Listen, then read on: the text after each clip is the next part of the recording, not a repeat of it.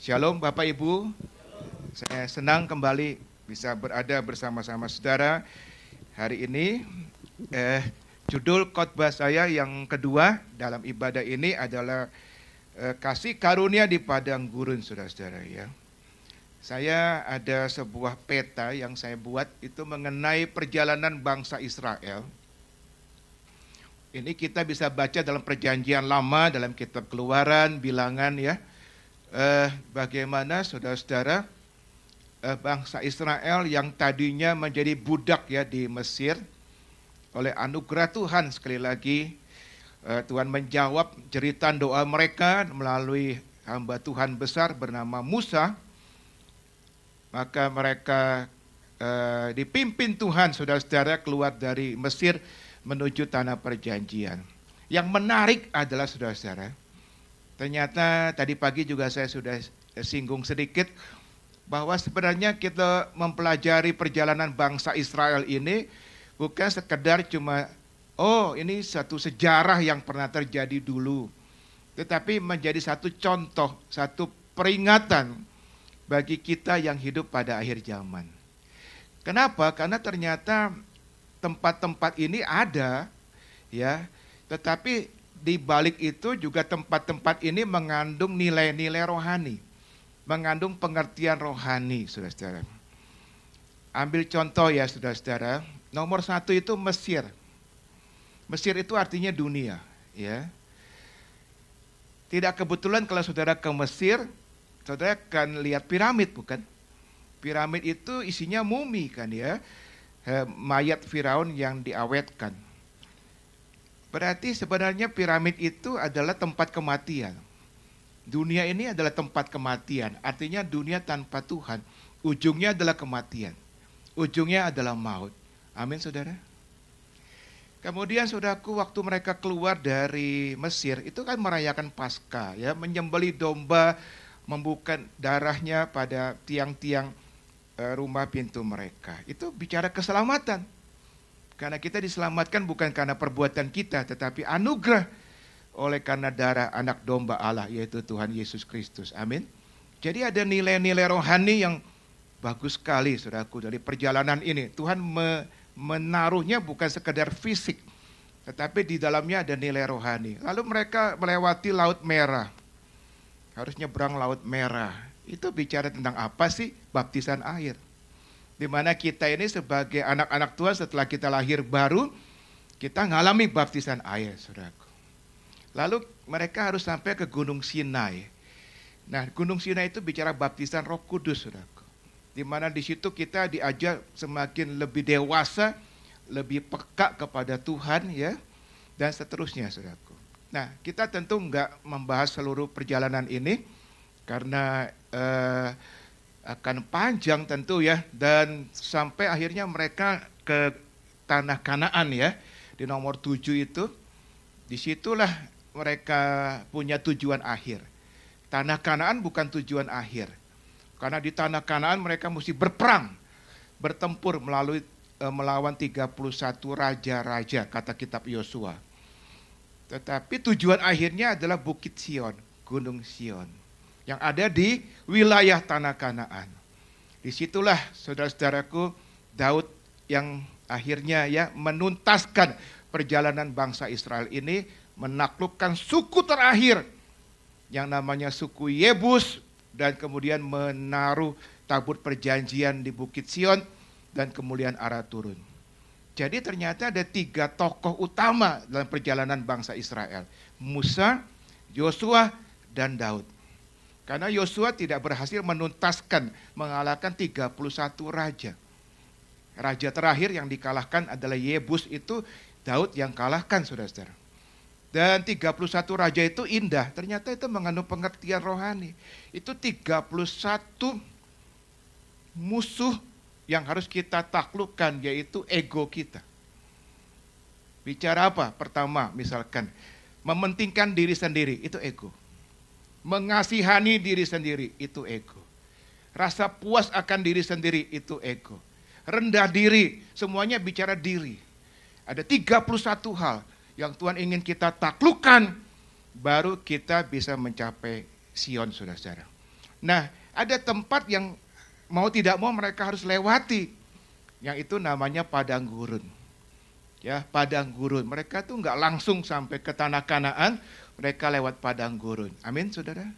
Dan padang gurun itu di nomor tiga dan di nomor lima. Ya, itu adalah padang gurun. Hari ini saya akan lebih fokus kepada padang gurun, saudara-saudara. Makanya saya beri judul eh, khotbah saya pada hari ini adalah kasih karunia di padang gurun. Kalau saudara dan saya apa ya eh, nangkep kata padang gurun atau padang belantara, tentu kita berpikir tempat yang nggak enak bukan ya? Tempat yang gersang, tempat yang tandus, ya, tiada berair kata kita pemazmur. Kemudian juga kalau malamnya dingin, kalau siangnya panas luar biasa ya, itu padang gurun saudaraku. Nah secara rohani pengertian padang gurun itu tempat ketiadaan. Ketiadaan apa? Ketiadaan penghiburan, mungkin juga ketiadaan teman ya di padang gurun kita ditinggalin teman. Ketiadaan persediaan ya di mana kita sedang terpuruk.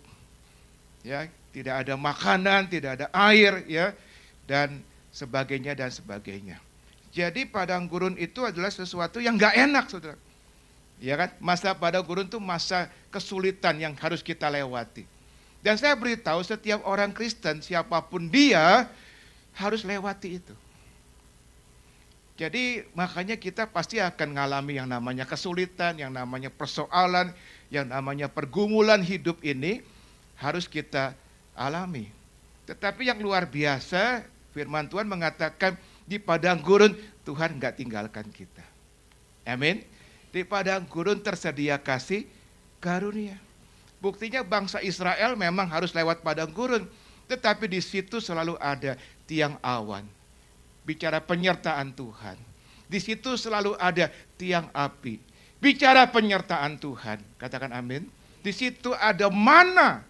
Bicara bagaimana Tuhan mengenyangkan mereka dengan roti surgawi. Haleluya.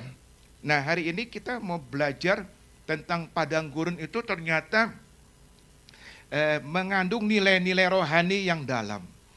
Ada berbagai pengertian padang gurun. Yang pertama adalah padang gurun itu tempat pengujian, saudaraku. Jadi sekali lagi jangan salah sangka, aduh Tuhan lagi hukum saya nih di padang gurun. Tidak ada tertulis di Alkitab padang gurun tempat penghukuman, tidak ada. Aduh, Tuhan lagi tinggalin saya nih di padang gurun. Tidak ada tertulis di Alkitab, Tuhan meninggalkan kita di padang gurun. Tuhan beserta kita di padang gurun. Tetapi di padang gurun itu memang tempat di mana Tuhan menguji kita. Tuhan menguji kita, ya. Karena Tuhan Yesus juga waktu dia ada di bumi, dia memberi contoh kepada kita. Dia pun pernah dibawa oleh Roh Kudus ke padang gurun. Betul tidak? Dia pernah dibawa oleh Roh Kudus ke padang belantara. Mari kita akan lihat Lukas 3 ya. Di situ ada ayatnya. Lukas pasal 3 ayat 21 sampai 22 demikian firman Tuhan. Ketika seluruh orang banyak itu telah dibaptis dan ketika Yesus juga dibaptis dan sedang berdoa. Terbukalah langit dan turunlah roh kudus dalam rupa burung berpati ke atasnya. Dan terdengarlah suara dari langit, Engkaulah anakku yang kukasihi, kepadamulah aku berkenan. Jadi Tuhan Yesus dibaptis ya di sungai Yordan. Dan setelah itu terdengarlah suara dari langit, dari Allah Bapa tentunya. Engkaulah anakku yang kukasihi, kepadamulah aku berkenan. Tapi yang menarik dalam posisi berkenan kepada Allah Bapa, justru Tuhan dibawa ke padang gurun. Bukan lagi posisi tidak disenangi Bapa, justru di posisi Tuhan berkenan kepada Bapaknya. Justru dibawa ke padang gurun. Lukas 3, terus sambung Lukas 4 tentu ya. Lukas 4 dikatakan demikian, Yesus yang penuh dengan roh kudus kembali dari sungai Yordan, baru dibaptis. Baru dengar suara, inilah anakku yang kukasihi, kepadamu aku berkenan. Tapi justru dibawa ke mana saudara-saudara? Dibawa oleh roh kudus ke padang gurun. Di situ ia tinggal 40 hari lamanya dan dicobai iblis. Kita tahu ceritanya, akhirnya Yesus menang. Yesus mengusir iblis dan iblis kalah. Katakan amin. Tapi yang menarik dalam posisi sedang berkenan kepada Bapa, justru dibawa ke padang gurun. Itu pola yang mungkin juga kita alami. Saya kok lagi semangat layani Tuhan. Saya lagi mencintai Tuhan sungguh-sungguh. Saya nggak pernah lalai baca Alkitab dan sebagainya dan sebagainya. Tapi kenapa banyak persoalan? Kenapa saya harus menghadapi persoalan A, persoalan B, persoalan C, dan sebagainya? Kalau mungkin saya lagi jatuh dalam dosa, ke kehidupan malam, misalkan dan sebagainya, ya saya ada masalah yang mungkin masuk akal, Tuhan sedang tanda petik menghukum saya. Ini saya lagi enak kok, lagi melayani Tuhan, lagi cinta Tuhan, tetapi kok kenapa banyak persoalan? Lah, ayatnya tadi sudah memberikan kepada kita bukti. Dalam posisi berkenan, ya Tuhan Yesus dibawa ke padang gurun. Jadi hari ini bukan soal kita sedang apa. Tapi memang ada rencana Tuhan. Bahwa Tuhan memang mesti ya bawa kita ke padang gurun. Karena ada maksud Tuhan yang indah ketika kita ngalami padang gurun. Katakan amin. Selalu tersedia apa tadi? Kasih karunia. Ya Tuhan gak pernah tinggalkan kita di padang gurun. Nah yang pertama adalah untuk menguji kita. Apa yang diuji saudaraku? Apa sih yang diuji? Hati kita. Ternyata di padang gurun itu Tuhan mau uji hati kita. Ketika Bapak Ibu Saudara yang saya kasih mengalami persoalan, ya masalah dalam hidup ini, sebenarnya bukan Tuhan itu tidak punya maksud. Tuhan sayang kita. Amin saudaraku. Tuhan mengasihi kita. Di balik itu ada rencana Tuhan. Makanya di dalam ayat ini kita baca ya. Ulangan 8 ayat 2 sampai 3 demikian. Ingatlah kepada seluruh perjalanan yang di yang kau lakukan atas kehendak Tuhan. Perhatikan, atas kehendak Tuhan. Jadi masuk padang gurun kehendak Tuhan bukan? Kehendak Tuhan. Jadi kalau kita ngalami padang gurun ya, Mungkin hari-hari ini Bapak Ibu ada yang sedang mengalami padang gurun. Ya itu juga kehendak Tuhan. Karena itu salah satu rute yang harus dilewati untuk mencapai tanah perjanjian saudara-saudara. Di padang gurun selama 40 tahun ini dengan maksud. Nah ada kata maksud berarti jelas ada maksud, ada tujuan ya. Tuhan tidak uh, istilahnya iseng-iseng gitu ya, bawa kita ke padang gurun. Ada maksud, ada tujuan merendahkan hatimu. Ada dua ya. Pertama merendahkan hati untuk buat kita jadi nggak sombong ya. Untuk buat kita jadi apa? Rendah hati, saudara-saudara. Tapi yang kedua juga dikatakan mencobai engkau untuk mengetahui apa yang ada dalam hatimu. Tapi yang kedua Tuhan juga mau lihat di hati kita ada apa sih. Ketika kita mengalami perjalanan padang gurun saudara-saudara ya. Yakni apakah engkau berpegang pada perintahnya atau tidak. Jadi ia merendahkan hatimu dengan membiarkan engkau lapar. Lalu dijelaskan di sini bagaimana caranya Tuhan membawa mereka ke padang gurun bangsa Israel. Dibikin lapar. Jadi bangsa Israel dibuat lapar oleh Tuhan. Ya, dikatakan di situ ayatnya ya, jelas ya, membiarkan engkau lapar tetapi memberi engkau makan mana. Itulah Tuhan. Istilahnya enggak dibiarkan begitu. Dibiarkan lapar. Tapi dari sorga ada apa? Ma, mana, saudara-saudara. Haleluya.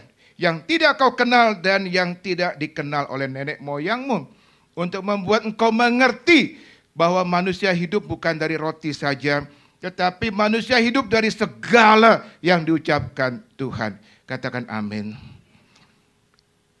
Menguji hati, katakan sama-sama, menguji hati. Jadi padang gurun itu tempat menguji hati. Ada apa di hatimu? Tuhan mau lihat, saudara-saudara. Dengan cara bagaimana? Membiarkan kita lapar. Tapi memberi mana. Apa maksud ini?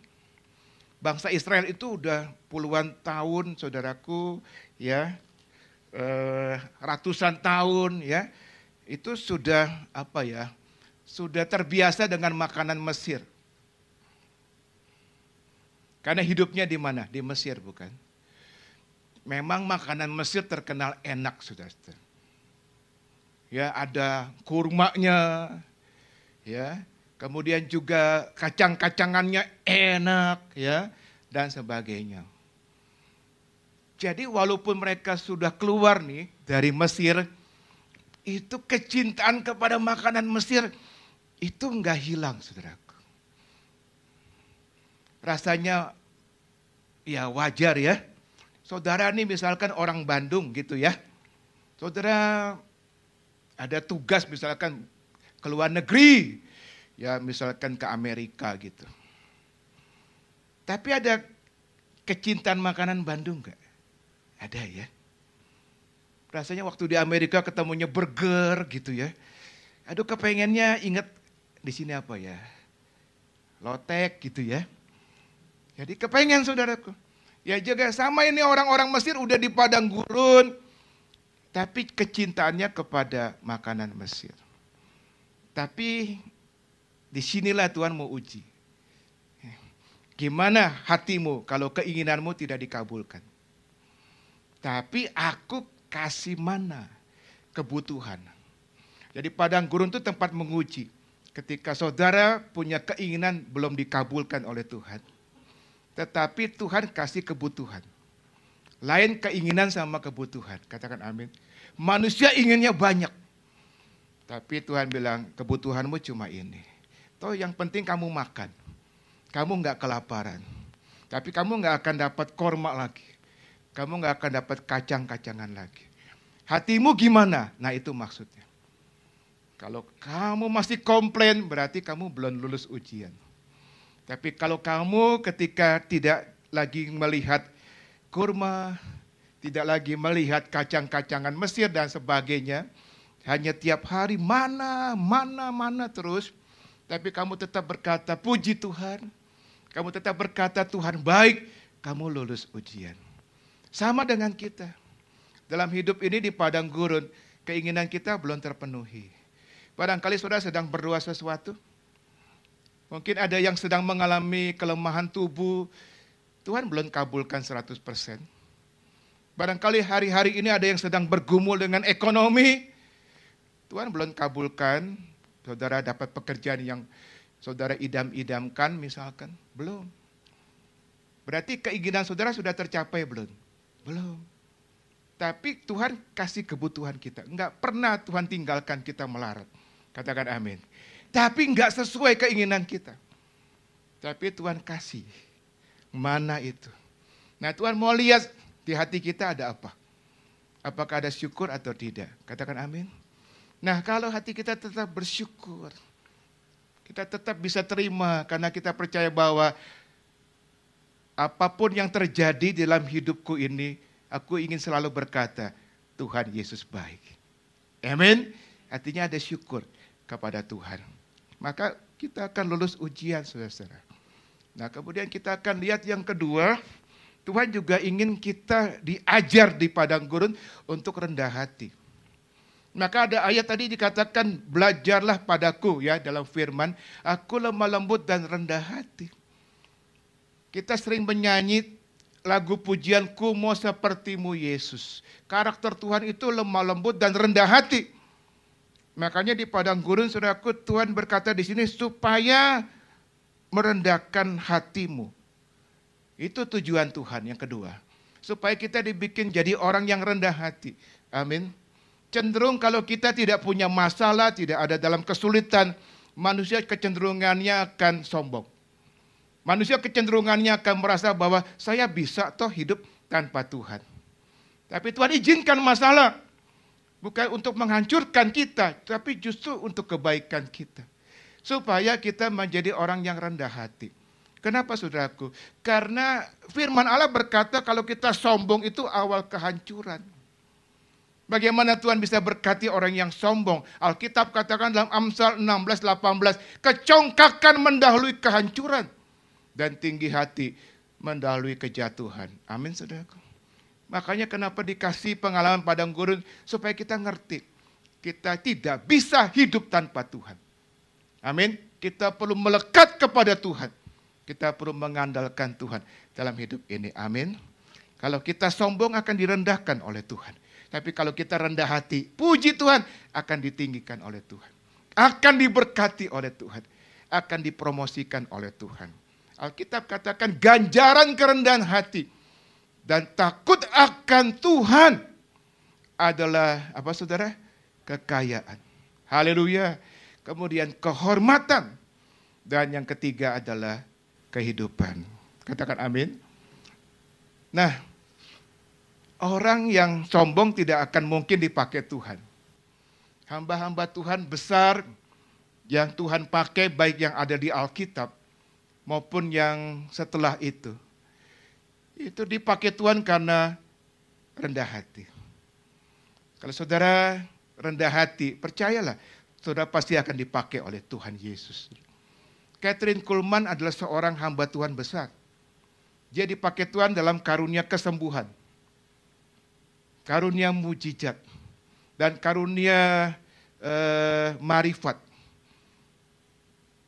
Ketika Catherine Kuhlman bikin KKR kesembuhan, itu bilangan orang yang datang itu ribuan. Dan mereka takut nggak dapat tempat, saudaraku. Waduh, misalkan malam baru KKR-nya, sore atau bahkan siang bahkan, itu sudah ada di tempat lokasi. Supaya dapat tempat. Karena Tuhan pakai hamba Tuhan ini luar biasa, saudaraku. Ya, jadi ketika KKR selesai, itu pasti selalu itu. Ada kursi roda, kursi roda kosong. Yang ditinggalkan oleh pemiliknya. Kenapa? Karena pemiliknya sembuh. Yang lumpuh berjalan. Yang buta melihat. Haleluya, katakan amin. Tetapi kenapa? Karena dia humble. Karena dia rendah hati. Saudaraku, hari ini semakin rendah hati kita, Tuhan semakin pakai kita. Tuhan semakin berkati kita. Tuhan semakin promosikan hidup kita. Catherine Coleman mengatakan demikian, saudaraku ya. Saya bacakan di sini. Dia berkata, saya tidak mempunyai kemampuan apa pun untuk menyembuhkan orang. Saya hanya membantu menghubungkan iman yang ada pada orang itu kepada Tuhan. Dan Tuhan yang menyembuhkan. Tersirat di sini rendah hatinya ya. Siapa saya? Saya nggak ada apa-apanya. Saya cuma apa istilahnya cuma kurir gitu ya. Cuma mengantarkan nih orang ini yang punya iman kepada Tuhan supaya Tuhan sembuhkan. Tidak mencuri kemuliaan Tuhan. Semakin rendah hati, semakin kita diberkati. Haleluya. Yang kedua padang gurun tempat pemurnian. Kalau yang pertama tadi bicara tempat apa, saudaraku, e, pengujian. Yang kedua adalah tempat pemurnian. Ayatnya jelas ya. Sebelum aku tertindas, aku nyimpang. Artinya orang Kristen, saudaraku, siapa pun juga dia, cenderung bisa nyimpang. Cenderung bisa salah jalan. Kita sebenarnya nggak mau berbuat dosa, tapi akhirnya jatuh lagi dalam dosa. Itulah manusia. Makanya ada ayat berkata sebelum aku tertindas, aku nyimpang. Jadi ketika memang kita tidak dalam posisi pengalaman padang gurun, mungkin kita lagi enak, ya, lagi menikmati berkat Tuhan, justru di zona nyaman itu biasanya kita nyimpang. Ya kan? Nah, dikatakan di sini, tetapi sekarang setelah ditindas, setelah dibawa Tuhan kepada padang gurun, justru aku kembali benar. Aku kembali lurus jalanku. Aku berpegang kembali kepada janji Tuhan. Katakan amin. Jadi dimurnikan. Artinya diluruskan kembali jalan kita.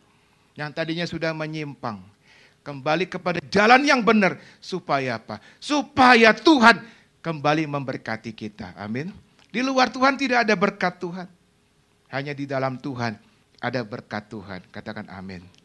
Makanya saudaraku, pemazmur enggak merasa kecewa ketika dia ada di padang gurun. Ketika harus ditindas gitu kira-kira ya atas izin Tuhan. Dia bilang begini suraku bahwa aku tertindas itu baik bagiku. Di sini ada rasa syukur kepada Tuhan. Meskipun dalam posisi ditin, ditindas. Meskipun dalam posisi dia ada di padang gurun. Tapi pemazmur enggak komplain kepada Tuhan. Kenapa Tuhan aku kau ditaruh di tempat yang enggak enak ini? Enggak. Ngerti saudara ya? Tapi dia tetap apa dikatakan bahwa aku tertindas. Itu baik bagiku malah. Supaya aku belajar ketetapan-ketetapanmu. Kembali dia ketemu Tuhan di situ. Kembali dia mencintai ketetapan-ketetapan Tuhan di situ. Mungkin yang tadi dia sudah mulai males. Sekarang dia kembali lagi. Katakan amin. Dan setelah itu saya berani pastikan berkat Tuhan pasti akan mengalir. Katakan amin. Jadi hari ini Tuhan murnikan kita ya. Supaya kita kembali bertobat. Saya beritahu dosa itu akan memisahkan kita dari anugerah Tuhan. Ketika kita minta ampun kepada Tuhan dan Tuhan itu setia dan adil, Dia akan mengampuni setiap dosa-dosa kita. Maka kita kembali saudaraku di posisi yang dikenan oleh Tuhan. Tuhan pasti akan berkati kita. Haleluya. Kemudian yang ketiga saudaraku.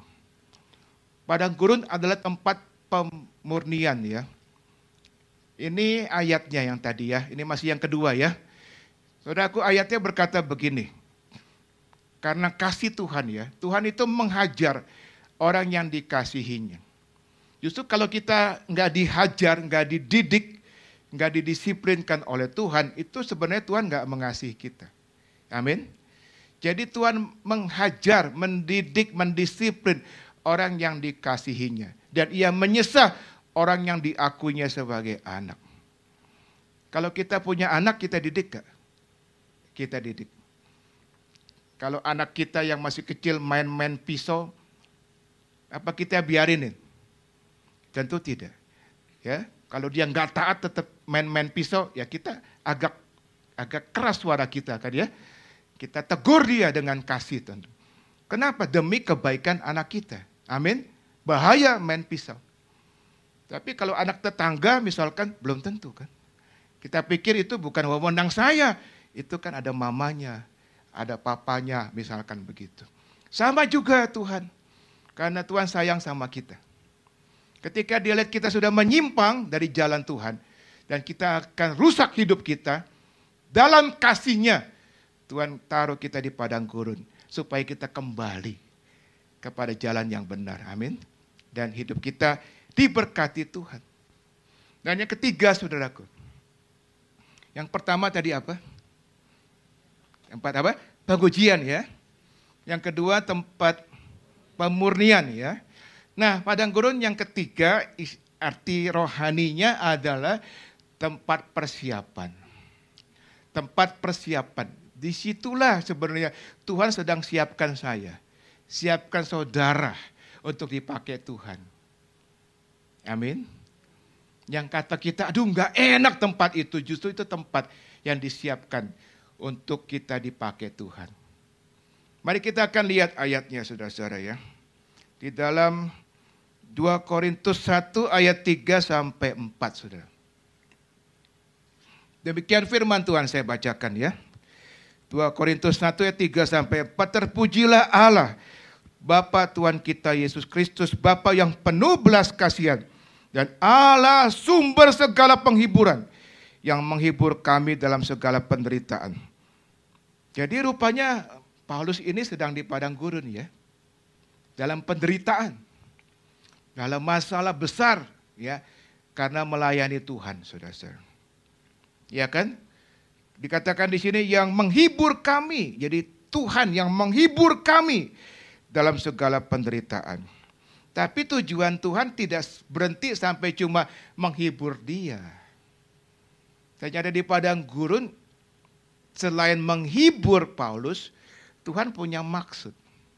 Supaya dikatakan kami sanggup menghibur mereka. Ngerti saudara? Padang gurun saudaraku, kita alami nggak enak. Tapi ada penghiburan dari Tuhan, katakan amin. Tapi supaya saudara dipakai Tuhan di situ. Untuk bisa juga menghibur orang lain. Menjadi berkat buat orang lain. Itu tujuannya. Jadi padang gurun itu bukan membuat kita self pity. Membuat kita mengasihani diri sendiri. Aduh aku lagi susah. Enggak. Paulus di sini dijadikan apa alat anugerah Tuhan untuk menghibur mereka katanya yang berada dalam bermacam-macam penderitaan dengan penghiburan yang kami terima sendiri dari Allah. Ada seorang pernah sakit kanker, Tuhan sembuhkan misalkan ya. Lalu dia melayani orang lain yang sedang sakit kanker. Dia menghibur, dia memberi kekuatan. Ada orang lain yang nggak pernah sakit kanker, sehat-sehat, menghibur orang yang sakit kanker. Orang yang sakit kanker ini lebih percaya mana?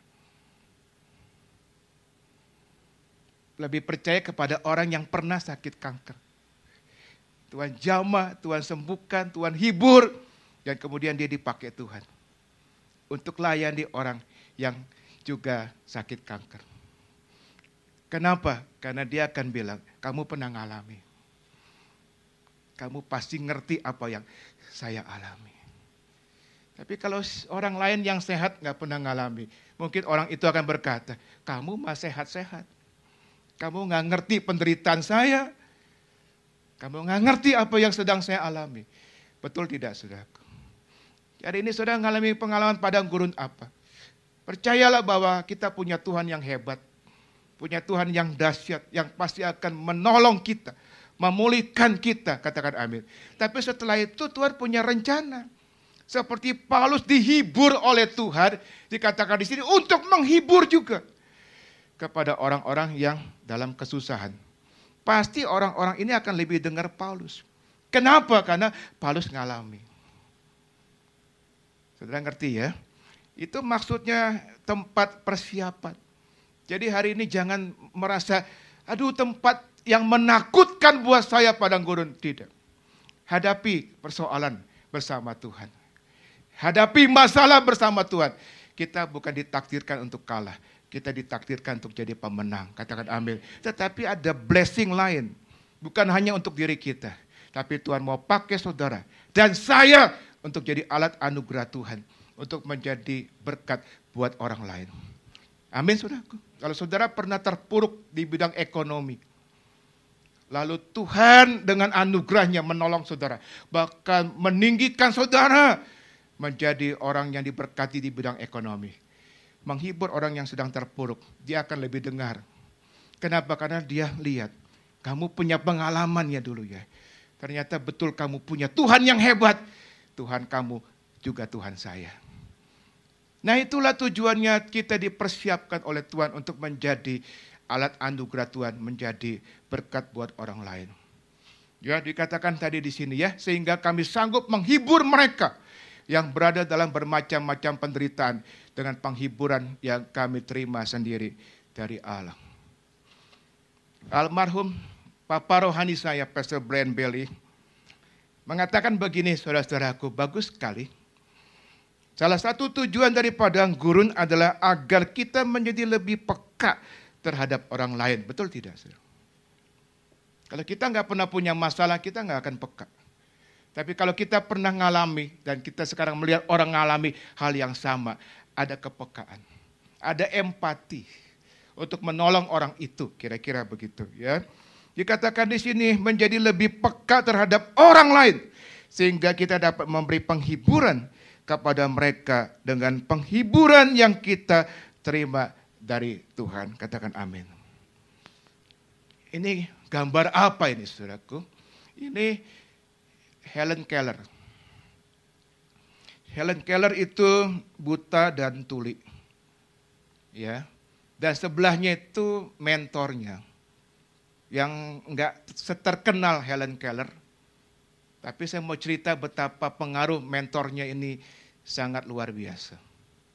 Sebelahnya itu mentornya bernama Anne Sullivan.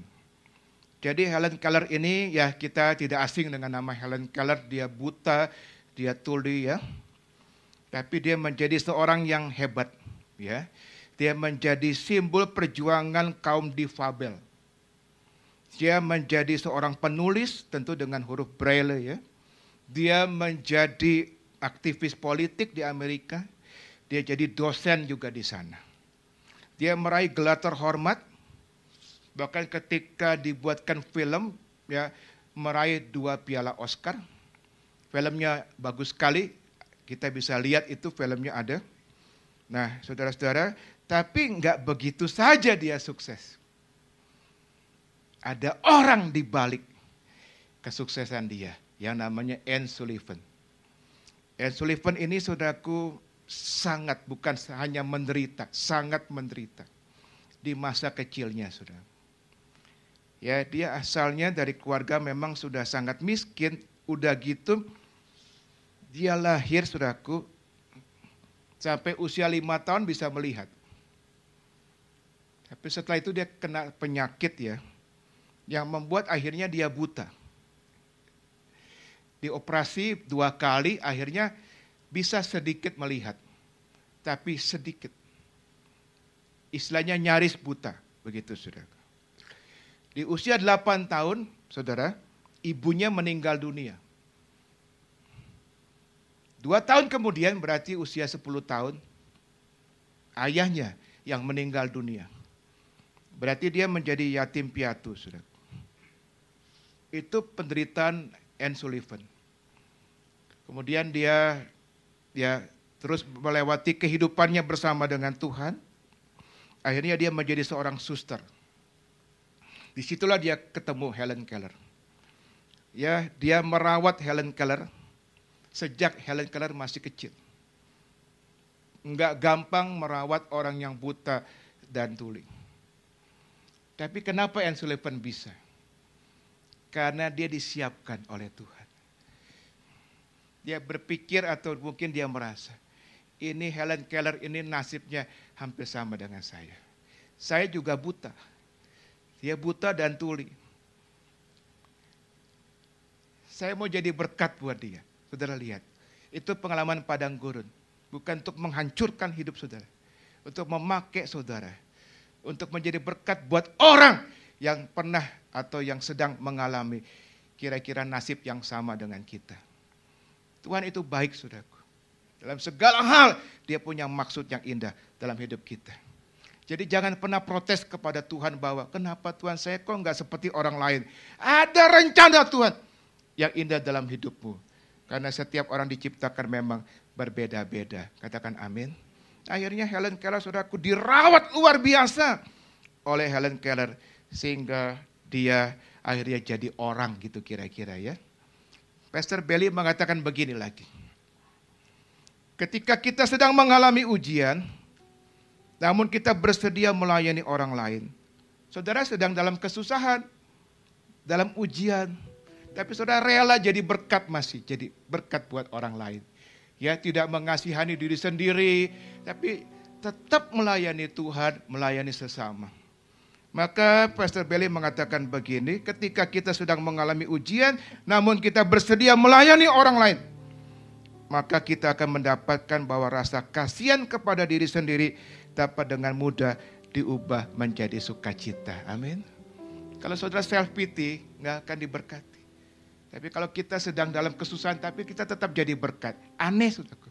Ada sukacita. Karena di tengah-tengah masalah yang kita hadapi, kita masih bisa dipakai Tuhan untuk menjadi berkat buat orang lain. Haleluya. Dan yang terakhir, yang keempat, sudah tiga ya, padang gurun tempat apa? persiapan, eh sorry, apa pengujian, padang gurun tempat pemurnian, padang gurun tempat persiapan, ya. Dan yang terakhir, wah ini good news tentu buat kita, padang gurun bukan tempat kekalahan. Padang gurun tempat apa ke kemenangan, ya. Karena kalau kita belajar dari bangsa Israel di padang gurun, justru di padang gurun Tuhan memberi kemenangan. Saudara bisa baca bilangan 21 ya, kita eh, nggak ada waktu. Bangsa Israel mengalahkan bangsa Amon di situ. Itu di padang gurun, saudara. Di bilangan 21 lagi bangsa Israel juga kalahkan orang-orang Basan. Itu di mana? Padang gurun. Saudara baca bilangan 31, orang Israel mengalahkan bangsa Midian. Di mana itu? Di padang gurun. Tuhan Yesus di padang gurun menang atau kalah? Menang, ya. Dia dicobai oleh iblis bukan kalah di situ. Jadi saya beritahu, padang gurun bukan tempat kekalahan. Padang gurun tempat ke kemenangan. Makanya ketika Paulus ada di padang gurun, dia disesah, dia dilempari batu, ya dia karam kapal, dia kelaparan, dia kehausan dan sebagainya. Tapi tetap dia berkata apa? Tetapi syukur bagi Allah yang dalam Kristus telah membawa kami di jalan kemenangan. Padang gurun bukan jalan kegagalan. Padang gurun bukan jalan kehancuran. Padang gurun bukan jalan kekalahan. Padang gurun jalan kemenangan. Buat saudara dan saya. Katakan amin. Hari ini jangan takut dengan padang gurun. Alami. Karena di situ ada Tuhan. Yang paling penting adalah terakhir respon kita.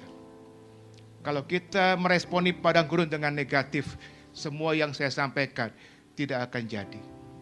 Tapi kalau kita meresponi dengan positif, tetap dengan syukur, tidak kecewa kepada Tuhan, tetap memuji Tuhan dan berkata, Tuhan baik.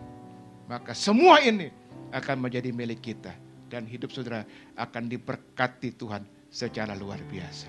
Katakan amin. Mari kita bangkit berdiri. Kita mau datang dengan bersyukur kepada Tuhan. Padang gurun apa pun yang kita alami hari-hari ini tidak akan membuat kita kecewa, tidak akan membuat kita mundur. Justru akan membuat kita tetap bersyukur dan tetap melayani Tuhan.